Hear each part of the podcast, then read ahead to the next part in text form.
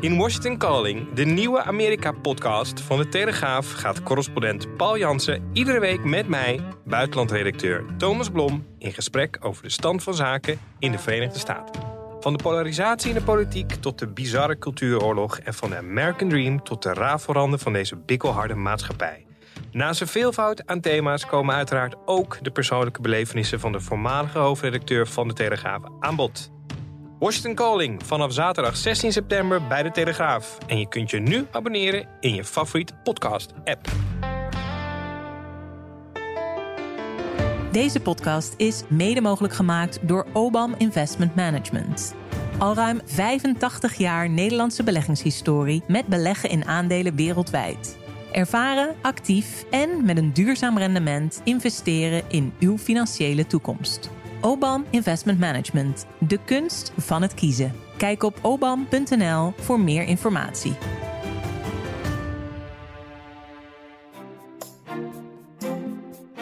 Ik heb trouwens even aan ChatGPT gevraagd. Schrijf een tekst die de koning zou kunnen uitspreken als troonrede in 2020. En toen kwam precies dit eruit. ja, exact. Dit is Kwestie van Centen. Een podcast van de Financiële Telegraaf met Martin Visser en Robert Ophorst. Jij pakt in de weekenden en tijdens vakanties regelmatig een museum of een expositie mee, Martin. Ja. Dat zie ik uh, vaak op jouw uh, socials. Mm -hmm. ben je ook bewonderaar van het werk van uh, fotograaf Erwin Olaf? Ja, zeker ja. Ik was wel even geschokt van de week toen dat nieuws kwam. Hij was natuurlijk al lang ziek. Dus ik ben ook in het gemeentemuseum geweest. Ja, oh, ja nou, dat was ook, overzichtstentoonstelling. Vier jaar geleden ben ja. ik ook geweest. Ja. Ja. Een, een, perfecte wereld met een barst erin. Ja, dat wilde hij met dat werk laten zien. Ja. Misschien dat hij daarom ook zo graag met de koninklijke familie werkte. Ja, terwijl hij die wel redelijk perfect fotografeerde, geloof ik. Ja. Nee, ik ben zeker een bewonderaar. De serie Grief is heel erg mooi. En ik zag Wouter de Winter, collega, volgens mij iets uit die serie twitteren ook. Een hele mooie foto. Van die enorme, echt geanceneerde, ja, we wijden nu een beetje uit, maar van die, van die prachtig geanceneerde foto's. Helemaal over nagedacht tot in elk Ja. detail. Van mensen die verstild in een woonkamer verdrietig staan te zijn. Dat was een heel mooi beeld wat bij Hmm. deze nieuwsgebeurtenis past. Wij gaan het hebben over Prinsjesdag. En waarom jij, Martin Visser, daar al dagen van in de war bent. Eh, vanuit de Kamer klinkt veel kritiek op de koopkrachtmaatregelen van het kabinet. Eh, die zouden veel te mager zijn. Is het echt zo slecht gesteld met onze koopkracht? En als het aan de FNV ligt, dan gaan de lonen volgend jaar tot 14% omhoog. En stijgen ze automatisch mee met de prijzen. Dat klinkt hemels, maar is het dat ook? Wie van buiten naar de Nederlandse samenleving kijkt, ziet op het eerste gezicht een aantrekkelijk land met goede voorzieningen en een sterke economie. Maar achter dat positieve beeld gaat de permanente opdracht schuil om te blijven werken aan kansengelijkheid, bestaanszekerheid en perspectief. Een oude riedel die wel door ChatGPT leek gegenereerd. Zo noemde Caroline van der Plas eh, de troonrede. Volgens mij ben jij het daar niet mee eens, Martin. Want jij hoorde een duidelijke draai ten opzichte van vorig jaar, zo schreef je. Ja, een duidelijke draai en dan heel specifiek ingezoomd op de koopkracht. Nou, daar zat een hele duidelijke draai. Ik denk in het algemene verhaal was die draai er niet per se. Maar wel dat natuurlijk een heel groot verschil, wat ik heb geprobeerd te markeren, ook eh, in, in de verslaggeving van Prinsjesdag, waar vorig jaar vol werd ingezet op, op koopkrachtreparatie vanwege die extreme energieprijzen voor, over de volle linie, en vooral voor lage en middeninkomens, draait het nu echt alleen nog maar om armoedebestrijding. En dat is wel echt een fundamenteel andere keuze. Natuurlijk een politieke keuze, ook allemaal begrijpelijk dat men dat doet, maar dat is echt wel heel anders dan Het woord middeninkomens eh, kwam er ook helemaal niet in Nee, voor. het woord middeninkomen, het is een beetje ctrl-F-journalistiek, eh, heb ik eh, tegenwoordig van Arjen Lubach geleerd, om te gaan checken hoe vaak een woord voorkomt in de troonrede. Nou, het woord middeninkomen, middenklasse, komt precies nul keer voor in de troonrede. Nou, dat hoeft niet iets te zeggen, maar het ging helemaal niet over de middeninkomens. Dat werd overgelaten aan de Tweede Kamer in de algemene beschouwingen. Ja, ik heb trouwens even aan ChatGPT gevraagd. Schrijf een, schrijf een tekst die de koning zou kunnen uitspreken als troonrede in 2024. En toen kwam precies dit eruit. ja, exact. Dat was wel mooi geweest. Nee, er kwam uit eh, de, een hele korte tekst trouwens. Oh. Veel korter dan eh, de echte troonrede. Met als passage over de economie. Onze economie is veerkrachtig en innovatief gebleken. Laten we deze kracht blijven benutten om kansen te creëren voor al onze inwoners. Onderwijs en technologische vooruitgang zullen centraal staan in het vormgeven van onze toekomst. Dus ook wederom geen middeninkomens. Nee, weer geen middenin. Zelfs ChatGPT vergeet de middenklasse. Dat is echt niet ongelooflijk. Ehm, Prinsjesdag draait om tradities. Eh, jij bent traditiegetrouw dan uiteraard druk aan het werk. Gaat zo'n werkdag voor jou ook elke keer hetzelfde? Ehm, ja, al een heel aantal jaar wel. Ja, dat is, ehm, Ja, je zit met alle journalisten natuurlijk te wachten tot het tijdstap is dat er stukken vrijkomen. Er is een verschil tussen wat de politieke redactie doet en, en alle mensen eromheen. En ik zit altijd in die schil eromheen. Vanuit de economie kijken naar de miljoenennota en de stukken van het Centraal Planbureau uh, bijvoorbeeld. Kijk, terwijl natuurlijk de politieke redactie natuurlijk echt al helemaal vol in die troonrede zit en gewoon allemaal in Den Haag bezig is, zit ik eigenlijk in de meeste gevallen in al die jaren dat ik het volg gewoon achter mijn bureau ja. de F5 tot de stukken er zijn. En uh, ik, heb de troonrede gekeken en dan is het op de site van Centraal Planbureau kijken, op de site van Financiën. En dan F5 tot de boel binnen is. Dat is nou, net voor half vier. En dan is het uh, proberen heel snel te lezen en daar de eerste duiding bij te geven. Nou, dat snelle lezen, dat ging ook snel dit Supersnel. keer. Want uh, jij wacht dan altijd op de macro-economische verkenning van het Centraal Planbureau. Maar jij viel van je stoel dit jaar. ja. ja, dit is echt uh, voer voor de financiële nerds. Maar ja, ik denk dat ik al sinds 1996 dat ik journalist ben ja, altijd wel betrokken ben opnemen. Maar niet bij Prinsjesdag, misschien in mijn Brusselse jaren niet, maar alle andere jaren wel. En dan, ja, als heel veel andere economische journalisten die vooral met, ook met Prinsjesdag bezig zijn, wacht ik op de MEF. De MEF, dat is gewoon een begrip in, in mijn beroepsgroep. En, dat is niet de WEF, zoals sommige mensen helemaal in de band zijn van de WEF. Nee, dit is de MEF, de macro-economische verkenning. En dat is gewoon het rapport eh, van het Centraal Planbureau, dat altijd uitkomt op Prinsjesdag. Daar zijn natuurlijk de doorrekeningen in van de plannen, maar het is ook veel meer. Het is een economische analyse. Nou, ik schat in dat dat ding meestal iets van 180 pagina's is. En ik zat allemaal te F5 en ineens was hij er en ik open hem. En ik, maar waar is nou de MEF? De MEF is... ik was echt even van mijn stuk gebracht van, hè? Er is helemaal geen MEF. En uh, ja, dat is een hele rare gewa gewaarwording. Want, want, hij was er helemaal niet? Nou, de, het was zeven pagina's. Zeven het was een inleidende ja. tekst en vervolgens een paar tabellen. That's it. Misschien had ik dat moeten weten van tevoren. Maar uh, ik was er niet op voorbereid. Want ik had al wel, ja, we plannen dat natuurlijk, omdat het allemaal in de tweede helft van de middag begint. Dus voor de krant stond al ingepland hoeveel woorden ik moest tikken. Nou, ik denk dat ik meer woorden in de krant heb geschreven dan in de hele MEF stonden deze keer. Niet helemaal waar, maar... Dus dat was opvallend. Ja. En dat is een soort anker. Ja, het is heel... Dat klinkt natuurlijk echt heel nerderig. Maar, maar in die eh, verkenning lees ja. je eigenlijk... Hoe staat onze economie er volgend jaar voor? Wat zijn ja. de vooruitzichten? Nou, kijk, en dat, dat gaat altijd volgens Vastramien. En dan gaat het over de Nederlandse economie. Dus dat een analyse over de Nederlandse economie. En hoe de overheidsfinanciën ervoor staan. En natuurlijk zit er ook in alle geüpdate cijfers. Dus dan kan je ook precies zien van de begroting die dan wordt ingediend. Welke impact heeft het op de koopkracht? Welke impact heeft het heeft op de economie? Kijk, als je ervoor kiest als overheid om vooral de economie te stimuleren, dan kan je dat erin terugvinden. We hebben de cijfers van half augustus. Dus als het voordat de begroting bekend is en we dan met Prinsjesdag opnieuw de cijfers. En het verschil tussen die twee is de impact van de begroting. Maar er staan ook altijd uh, kaders in, boxen heet die dan. Ja, dat kan van alles zijn. Dat ja. had iets kunnen zijn over weet ik veel, de vermogensbelasting of over de internationale concurrentiepositie. Dat, kan, dat zijn altijd willekeurige onderwerpen die op een manier actueel zijn in de economie. Maar dat was er allemaal niet. Het was maar wat was er uh, dan, ja. dan, misgegaan? Er was om een kwart over drie schrok opeens een ambtenaar wakker en die zei: Jongens, we zijn de MEF vergeten. Nee, nee, nee, snel nog even wat pagina's. Nee, daarom dacht ik, ik had het misschien wel moeten weten. Dus misschien zegt het iets over mijn uh, onkunde. Maar ik was zo, ja, zo vanuit gegaan, dat ding komt er gewoon. Maar het Centraal Planbureau uh, schreef erin: ja, we hebben gewoon deze keer maar een korte MEF. Nou, inderdaad, heel erg kort, zeven pagina's. En dat was alleen maar een update van de cijfers. Ze hebben alleen doorgerekend wat het begrotingspakket van het kabinet doet. Met name op koopkracht. Dus er zaten geen nieuwe economische raming in. Dus we wezen weer terug naar, naar de cijfers van half augustus. Dat is een heel beknopt iets, wat altijd uh, een soort, soort vooruitkijk op de MEF. En dat was het, want ze zijn te druk met het doorrekenen van de verkiezingsprogramma's. Dat was het verhaal. En uh, ja, ik was er niet helemaal, niet helemaal op voorbereid. Maar ik was heel even van mijn stuk gebracht. En dacht van, ach ja, een paar honderd woorden tikken. Ja. Dat gaan we gewoon even doen. Maar wel jammer, want normaal ben ik daar dagen mee zoet. En haal je er nog van alles nog wat uit. En nu, nu moet je dat missen. Ja, dat is ook jouw houvast een beetje voor de komende ja, voor de komende jaren. Nee, maar uh, nee, inderdaad, er zitten altijd wel dingetjes in. Je, denkt, je wordt op ideeën gebracht. Mm -hmm. Ja, en zo vaak zijn er ook weer niet nieuwe ramingen van het Centraal Planbureau. En nu zullen misschien luisteraars denken, ja, maar die ramingen komen toch nooit uit. Nee, dat is waar. Maar dat geeft wel, het is niet zo dat ik die cijfers geloof tot achter de komma. Maar het geeft wel een indicatie van welke richting het Centraal Planbureau denkt dat het uitgaat met de economie. Nou goed, de cijfers stonden er wel in. Die waren al half augustus bekend. Dit jaar is het allemaal nog een beetje matig met de economie. En volgend jaar zou die weer moeten gaan groeien. Een hele korte samenvatting. Maar een echte doorwrochte analyse en eventueel allerlei andere onderwerpen die interessant zijn om uit te gaan typen in de komende tijd, die ontbraken. Met de drie kinderen, ik vind het echt uh, moeilijk. Ik heb een schoonmoeder die ik verzorg en die betaalt 500 euro per maand aan energiekosten. Met een AOW'tje en zo'n klein pensioentje. Waar moet het dan nog van? Iets waar wij dan in de praktijk merken, als we een opruimingstafel maken met restanten, hè, met een verschoten ding, wordt nu veel makkelijker verkocht. Eten en dergelijke is hartstikke duur geworden. Tanken is hartstikke duur geworden. En dat eet wel uit je portemonnee, ongeacht of je het wel of niet goed betaald hebt. Ja, zet een streep door de accijnsverhoging op brandstof, verhoog de arbeidskorting, verlaag de energiebelasting en verhoog weer het minimumloon. Partijen buitelden de afgelopen dagen over elkaar heen met voorstellen om de koopkracht te verbeteren. Vooralsnog gaat het kabinet het op 2 miljard euro extra om de stijgende armoede een halt toe te roepen. Uh, door de bank genomen gaat Nederland er 1,8% op vooruit. Iedereen een plusje dus. Martin, uh, we hoorden hier uh, wat bezorgde geluiden. Ik denk dat sommige dingen heel herkenbaar zijn, ook voor onze luisteraars. Maar ja. aan de andere kant, we gaan er dus allemaal iets op vooruit. De banen liggen voor het oprapen. Veel mensen hebben voor langere tijd een hypotheek vastgezet tegen een rente van 2 à 3 procent. Meerjarige energiecontracten worden weer voor onder het prijsplafond aangeboden je zou zeggen, zoveel hebben we toch niet te klagen? Nee, dat zeker. Dat is wel goed om te markeren even wat het grote verschil is tussen het komend jaar en het huidige jaar. En misschien ook wel het vorig jaar. Voor zover we dat nu kunnen voorspellen dan.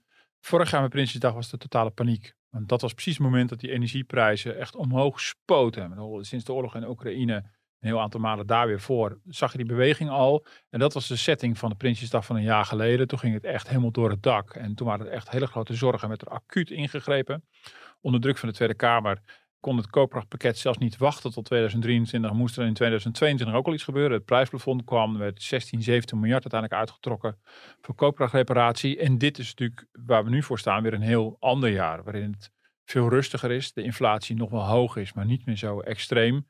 Dus inderdaad, het beeld verandert wel. Dus dat acute en het paniekerige is eraf. Maar dat betekent natuurlijk niet dat er niks aan de hand is. Het is ook maar een beetje de manier waarop je er naar kijkt. Bedoel, kijk je sec geïsoleerd naar volgend jaar en zeg, ach, dat komt dan wel goed. Of is het een moment om eens even te overzien, wat is er nu in deze periode van drie jaar gebeurd? Vorig mhm. jaar, dit jaar en komend jaar, de totale energiecrisis. En wat zie je dan? Nou, dan zie je dat de plussen voor volgend jaar, die verwacht worden, gemiddeld genomen, bij lange na niet de minnen van de afgelopen twee jaar goed maken. Dus dat is, een, dat is de manier waarop mensen natuurlijk zelf dat in hun portemonnee voelen. Die merken dat heel veel prijzen niet meer heel erg absurd blijven stijgen, maar wel uh, stabiel hoog blijven behouden ze energie dan. En energie is echt gewoon gedaald. Gelukkig maar, dat had, was ook niet vol te houden geweest.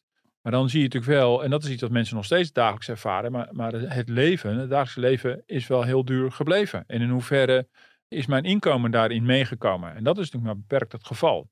Daarom vond ik, dat stond er nog wel in die, in die mini-MEF. Cijfers die ik onlangs had opgevraagd voor de krant over het koopkrachtbeeld over drie jaar bij elkaar opgeteld. Die zijn nu geactualiseerd. Daar zit het koopkrachtpakket van Prinsjesdag zit erbij in. En wat je dan ziet, is dat over drie jaar tijd de koopkracht met 1,8% daalt. Dus als je de koopkracht in 2024 vergelijkt met... Maar dat is precies dat plusje wat we erbij zouden krijgen. Ja, dus in die zin is dat plusje niet genoeg. Dat plusje zit er dus bij in. Dit jaar is de koopkracht min een procent ruim. En volgend jaar is plus 1,8. Maar als je dus 2022, 2023, 2024 bij elkaar optelt. Je vergelijkt de koopkracht volgend jaar met die van voor de energiecrisis. Dan zie je dus een min. En dan zie je vervolgens ook de verdeling over de inkomensgroepen. En daar begint natuurlijk het, het, politieke debat, begrijpelijkerwijs deze week ook. Dat de laagste inkomensgroep, de onderste 20%, is er ruim 3,5% op vooruit gegaan. En vervolgens alle andere inkomensgroepen, de overige 80%, zijn allemaal op achteruit gegaan. Als je over die periode van drie jaar kijkt. En dat gaat behoorlijk nivellerend. Want de, kleinste min zit bij de, lagere middeninkomens, zeg maar. En de grootste min bij de hoogste inkomens. Nou, daar is nog wel iets voor te zeggen dat je de pijn wat eerlijk verdeelt. Dat kan je politieke keuze zijn. Maar ja, je ziet dus wel dat ook nou, mensen met een middeninkomen meer dan 2% erop achteruit zijn gegaan. Als je over die hele periode kijkt. En dat stelt dat plusje voor volgend jaar wel in, in een iets ander perspectief. En het is waar, volgend jaar gaat de koopkracht in doorsnede erop vooruit, omdat de lonen ook stijgen, de inflatie minder extreem is dan het afgelopen jaar.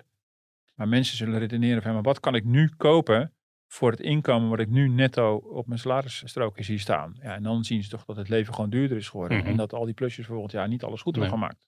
Nou noemde ik net een aantal uh, voorstellen op die de afgelopen dagen zijn gedaan. Hoor jij daar dingen tussen waarvan jij zegt, ja, daar zouden inderdaad die middeninkomens met name mee zijn geholpen? Ja, wat ik wel uh, in alle oprecht ingewikkeld vind, is dat bijvoorbeeld de benzineaccijns, dat snap ik ook wel, ik als gewoon autorijder en ook regelmatig aan de tank staand, denk ook van ja, 2,50 euro voor een liter benzine, is dat nog normaal? Tegelijkertijd vraag ik me wel een beetje af, dat is meer als econoom geredeneerd, of dat nou een instrument is om de koopkracht te repareren. Maar goed, dat is wel een lastig, want het is, het is eigenlijk gewoon het weer terugdraaien van een tijdelijke maatregel in energiecrisistijd. Dus je zou zeggen, als je dat niet zou willen doen bijvoorbeeld, omdat die benzineaccijns natuurlijk heel ongelijk over de Nederlanders terechtkomt, zou je ook kunnen zeggen, dan zoek het dan toch meer in de belasting. Bijvoorbeeld een arbeidskorting verhogen is dan veel logischer. Want dan richt je rechtstreeks tot werkende Nederlanders. Ja, leg even nog uit, wat is die arbeidskorting? Nou, arbeidskorting is dus een korting op je belasting die je krijgt als je werkt. En dat, dat gaat nou, dat maakt het meteen weer zo ingewikkeld in een staffel. Dus naarmate je meer verdient, wordt die korting kleiner. Dus dat is alles is in Nederland natuurlijk progressief. Rutte zei al, we zijn een socialistisch land. En dat zijn we ook, denk ik.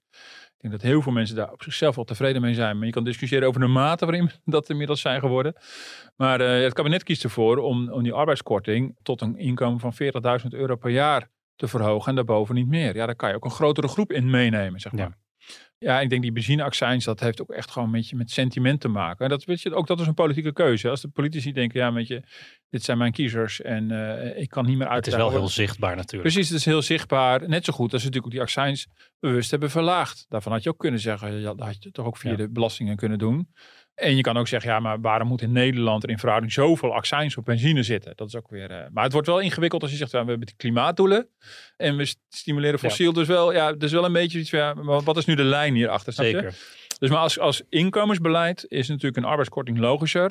De benzineaccijns heeft natuurlijk ook gewoon te maken met sentiment. En dat je een steun wil geven aan mensen die de auto nodig hebben voor hun werk. En, uh, maar economisch gezien is het met je sleutel aan die belastingen logischer werken moet misschien meer lonen. Daar hebben we het inderdaad uh, vaker over, uh, ook hier. Maar is dat dan zo ingewikkeld om die arbeidskorting uh, daar iets in te veranderen? Of raak je dan nee, meteen het hele toeslag? Nee, dat kost gewoon geld. Ingewikkeld is het niet. Het is wel weer zo, inderdaad. Ah, het kost natuurlijk gewoon geld. En naarmate je de middeninkomens tegemoet wil komen, dat zijn al grote groepen, kost het dus veel geld.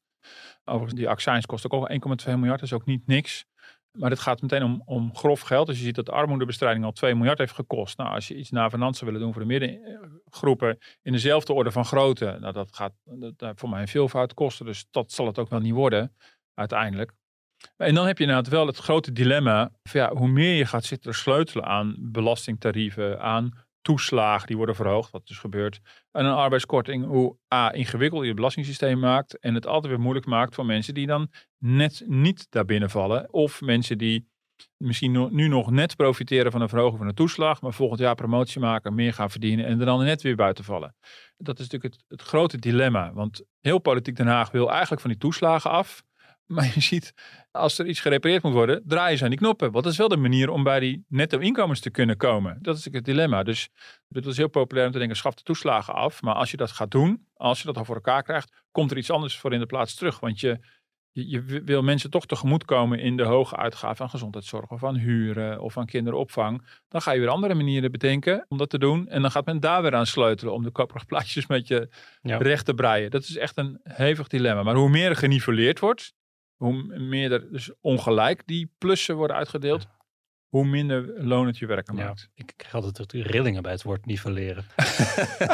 ik weet toch wel iets wat uh, goed maar is. Maar dan moet je ook een rilling hebben gekregen toen ik zei dat dit land diep socialistisch is. Ja, nou, zag je al een beetje bedenkelijk kijken. Toen trok ik groen weg. uh, ik weet nog iets wat uh, goed is voor de koopkracht. De lonen omhoog. Ondanks dat de inflatie daalt, gelukkig maar ook, hebben vele werknemers, miljoenen, uh, nog wel te maken met een inflatieachterstand. En die is structureel, die is blijvend. Daar hebben ze nu last van. Uh, de prijzen zijn uh, structureel hoger geworden zonder dat de inkomens daarmee gecompenseerd zijn. Nou, de collectieve verarming die komt vooral neer bij de werknemers. En we vinden dan ook dat we geen genoegen kunnen nemen dat die lonen voortaan ook structureel minder waard zijn. Dus vandaar dat wij inzetten op deze stevige loonijs. Ja, dat was FNV-vicevoorzitter Zakaria Boufangatja. Een stevige loonijs lijkt het zeker. 5 tot 14 procent hogere lonen daar zet de vakbond volgend jaar op in aan de CAO-onderhandelingstafels. Plus een automatische prijscompensatie. 5 tot 14 procent, dat is best een brede bandbreedte. Ja. Of een grote bandbreedte moet ik zeggen. Um, hoe komt de vakbond op die percentages uit? Nou, wat zij gaan doen is niet over de volle linie 14 procent eisen, maar ze zetten in op inflatieachterstand. Zoals ze dat zelf uh, noemen. Omdat zij zich uh, terecht realiseren dat nog niet iedereen geprofiteerd heeft van hele goede CO's. Er zijn natuurlijk sectoren geweest die uh, al een CO hadden toen de energiecrisis uh, of de oorlog en daarmee de energiecrisis mhm. uitbrak. Dus die hebben wel een beetje uh, buiten de pot gepist. En welke sectoren moet ik dan denken? Nou, dat heb ik eerlijk gezegd niet helemaal paraat wie, wie dat zijn. Want um, er zijn inmiddels natuurlijk wel heel veel CO's die al wel zijn vernieuwd in de afgelopen um, anderhalf jaar. Maar er zijn gewoon, ja, toch ook wel sommige die, die eh, of daar stond aanvankelijk de remmen op, omdat misschien economisch niet goed genoeg ging. En sommigen zitten met, gewoon met een langlopende CAO. En ik denk ook wel dat ze willen proberen om overal waar misschien wel een hele behoorlijke CO uitgerold is, om daar alsnog iets op te plussen.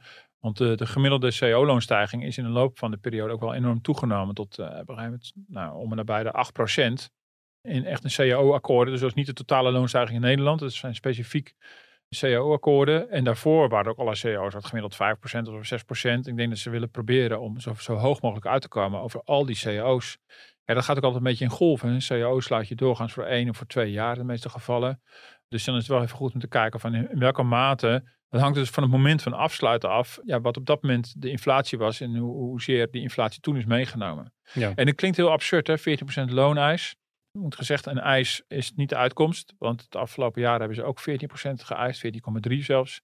Nou, dat wordt nergens gehaald. Er zijn wel CEO's met 10% overigens, maar soms ja. ook wel 14, maar dan ook weer over een langere periode. Maar in een onderhandeling moet je een beetje hoog inzetten. Je moet hoog inzetten. En aan de ene kant, het zijn, ja, het zijn krankzinnige eisen. Het slaat misschien helemaal nergens op. Maar eh, ja, ik heb ook nog even, tot het nieuws kwam, even uitgerekend. Wat is nou de cumulatieve prijsstijging geweest?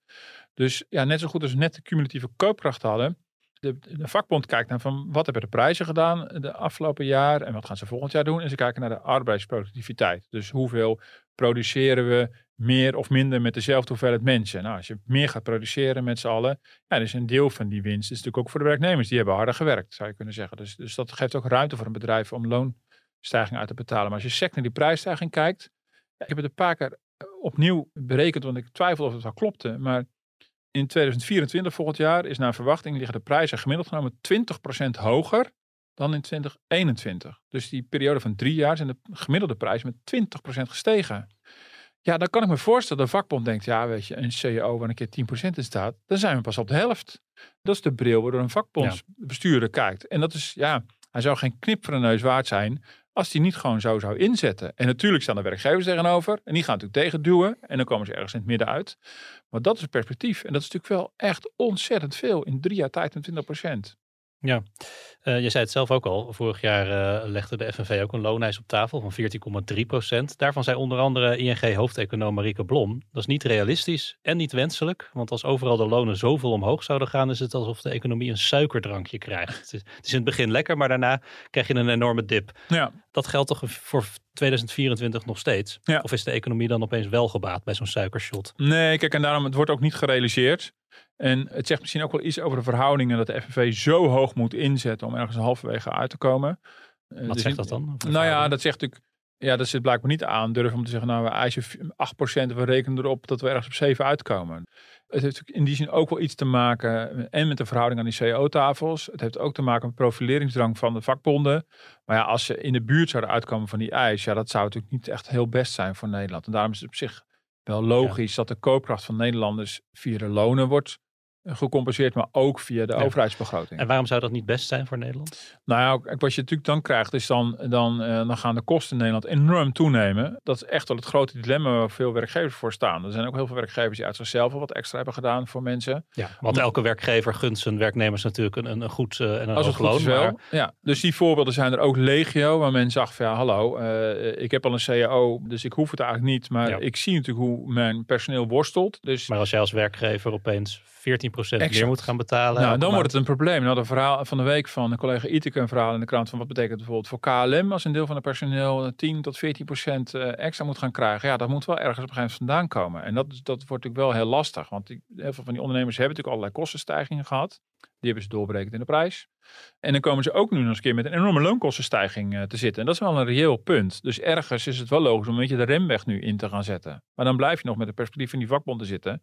Met al die sectoren waar je nog ver achter die inflatie bent gebleven. Mhm. Dus het zou het mooiste zijn als het inderdaad lukt om dat heel selectief te gaan doen. Ja. Normaal komt de FNV altijd met een centrale looneis, één percentage. Nu komen ze met een bandbreedte, dus ook voor het eerst. Het zou heel mooi zijn als je zegt, nou de sectoren waar, waar er al flink geplust is, nou daar nemen we genoeg met een beetje minder. En de andere sectoren die nog achter zijn gebleven, daar doen we nog een beetje meer. Ja, dat het over de volle linie wel eerlijk is en ook voor bedrijven wel te behappen is. Want ja, het is heel simpel ja, de, heel veel grote bedrijven hebben een behoorlijke mate van winstgevendheid. De Nederlandse bank zegt ook, je kan het betalen uit je winsten. Maar dat geldt dus niet voor alle bedrijven. En als ze merken dat, dat het slechter gaat dit jaar met de economie, En ze gaan op een gegeven moment je wat, een vacaturestop inroepen. Of ze gaan misschien zelfs mensen ontslaan om de lonen te kunnen betalen. Dat is ook niet in het vakbondsbelang. Nee. Automatische prijscompensatie, dat willen ze dus ook. Uh, dat geeft volgens FNV stabiliteit en duidelijkheid, ook voor bedrijven. Denk jij dat de gemiddelde werkgever inderdaad in zijn handen wrijft bij die gedachte aan automatische prijscompensatie voor zijn personeel? Maar eindelijk weer rustig slapen, ja. weet ik waar ik aan toe ben. Ja, nee, ik denk het niet. Nee, dat is ook wel opvallend. We hadden net begonnen met over de andere toon van de troonrede. Dit is de andere toon van de CAO-nota van de FNV. Want vorig jaar was de hoofdeis automatische prijscompensatie. Dat betekent, net zoals in België dat, dat gebeurt, dus dat je in het CO vastlegt dat de lonen op een bepaalde datum automatisch mee zullen stijgen met de inflatie van een bepaalde datum. En heel vaak wordt het oktobercijfer genoemd. En vorig jaar oktober was de inflatie uit, was toen die 14,3 procent. Dus later heeft FNW gezegd, oké, dan is onze loon nu 14,3 procent. Maar het zou best kunnen dat de inflatie eh, deze keer in oktober misschien wel 1% is. En nu zie je dat de FNV wat minder happig is om vooral in te zetten die automatische mhm. prijscompensatie. En nu kijken ze van hé, maar we moeten nog overal die inhaalslag maken met de inflatie van vorig jaar. Dus A, werkgevers zullen niet happig zijn. Ik uit mijn hoofd pak een beetje 10 cao's waar het nu in staat. Ze zijn ontzettend bang dat je dan. Uh, dus het is totaal geen stabiliteit. Want je hebt natuurlijk geen idee wat inflatie gaat zijn. En dus wat je loonstijging gaat zijn. Dus het is voor een werkgever helemaal niet fijn. Het is voor de economie heel erg slecht. Dit jaagt dus wel die loonprijsspiraal aan. Dan krijg je dus hoge lonen en dus hoge prijzen en weer hoge lonen. Nou, dat. Dus eh, nee, de FNV uh, eh, heeft hier totaal in gefaald. En gelukkig maar. Dat is wel heel goed. En je ziet dat de FNV er eigenlijk een beetje van terugkomt. Dat zullen ze meteen tegenspreken. Het staat in de CO-nota. Maar het is niet meer de hoofdeis. Want ja, dan zouden ze als 1 oktober de pijldatum is, zouden ze dit jaar zou dat wel eens een heel zuur CO zijn, uh, zijn geweest. Ja, nou ja, vorig jaar klonken vooral krekels inderdaad aan de onderhandelingstafel. Ja. ze daarmee kwamen. Zal dat dan komend jaar anders zijn? Nee, nee, dat is precies hetzelfde. Nee, in, de, in de havens uh, is het heel gebruikelijk. Het is wel een bijzondere, bijzondere sector, ook een bijzondere verhouding tussen de vakbond en de havenwerkgevers. En daarbuiten zijn er nog een paar CO's waar het wel gebeurt. Er waren ook wel voorbeelden vorig jaar van CO's dat op een gegeven moment de werkgevers zich helemaal lam schrokken. Want ze hadden van tevoren gezegd, nou, de, de pijldatum is bijvoorbeeld oktober. En dan pakken we die en die, dan pak je de CPI afgeleid. een bepaalde definitie van het CBS. En toen kwamen ze erachter van, oh jee, maar als we die pakken, dan hebben we zoveel procent aan onze broek hangen. Er zijn er heronderhandelingen geweest om voor een andere definitie te kiezen die net iets gunstiger uitpakte. En de vakbond ging daarin mee omdat ze ook wel aanvoelden van ja, maar weet je, je helpt een bedrijf gewoon helemaal naar de verdommenis. Dus gewoon, als je gewoon dit vol blijft houden. Dat, ja. Net zo goed zo'n looneis van 40%. Ja, dat realiseer je nergens voor een heel jaar. Dat kan een bedrijf, hoe kan een bedrijf in één klap loonkostenstijging van 14% verhapstukken? Dat gaat gewoon helemaal niet. Dus als ze het al incasseren, zal het over meerdere jaren zijn.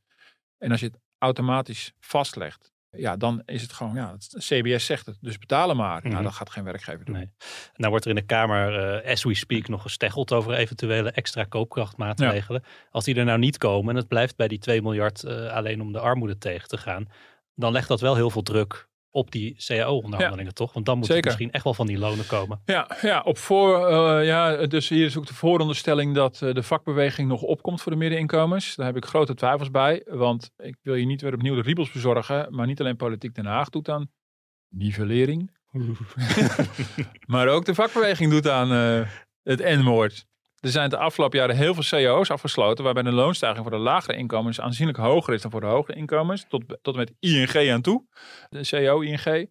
Dat is echt een, een, nieuwe trend. Dat roepen de vakbonden al sinds de jaren 70 ongeveer. Geen procenten, maar centen. Dat vinden ze natuurlijk eerlijker. En dan komen ze op voor een kernachterban van met name lagere inkomens. Ja, dat zijn wel zorgen bij andere vakbonden. Bijvoorbeeld vakbond Unie, VCP zijn ze bij aangesloten. Die veel meer van de midden- en hooginkomens mm opkomen. Die zeggen, ja hallo, maar die worden hele grote groepen worden die vergeten. Dus het is natuurlijk de vraag, als je weer dat soort CEO's gaat sluiten, afsluiten, of, of de middeninkomens, laat staan de hogere inkomens, iets, echt, echt iets hebben aan die, aan die plussen. Ja, nou, dan is de vraag inderdaad, zoals die ook al onlangs in onze krant stond, wie komt er nog op voor die middeninkomens? Ja, ja, nou ja, als je de Tweede Kamer hoort, uh, dan verdringen ze elkaar, uh, alle, nou ja, niet allemaal, maar een aantal partijen in ieder geval wel. Goed, ja, dat zal dan ook wel in de verkiezingen weer een rol gaan spelen.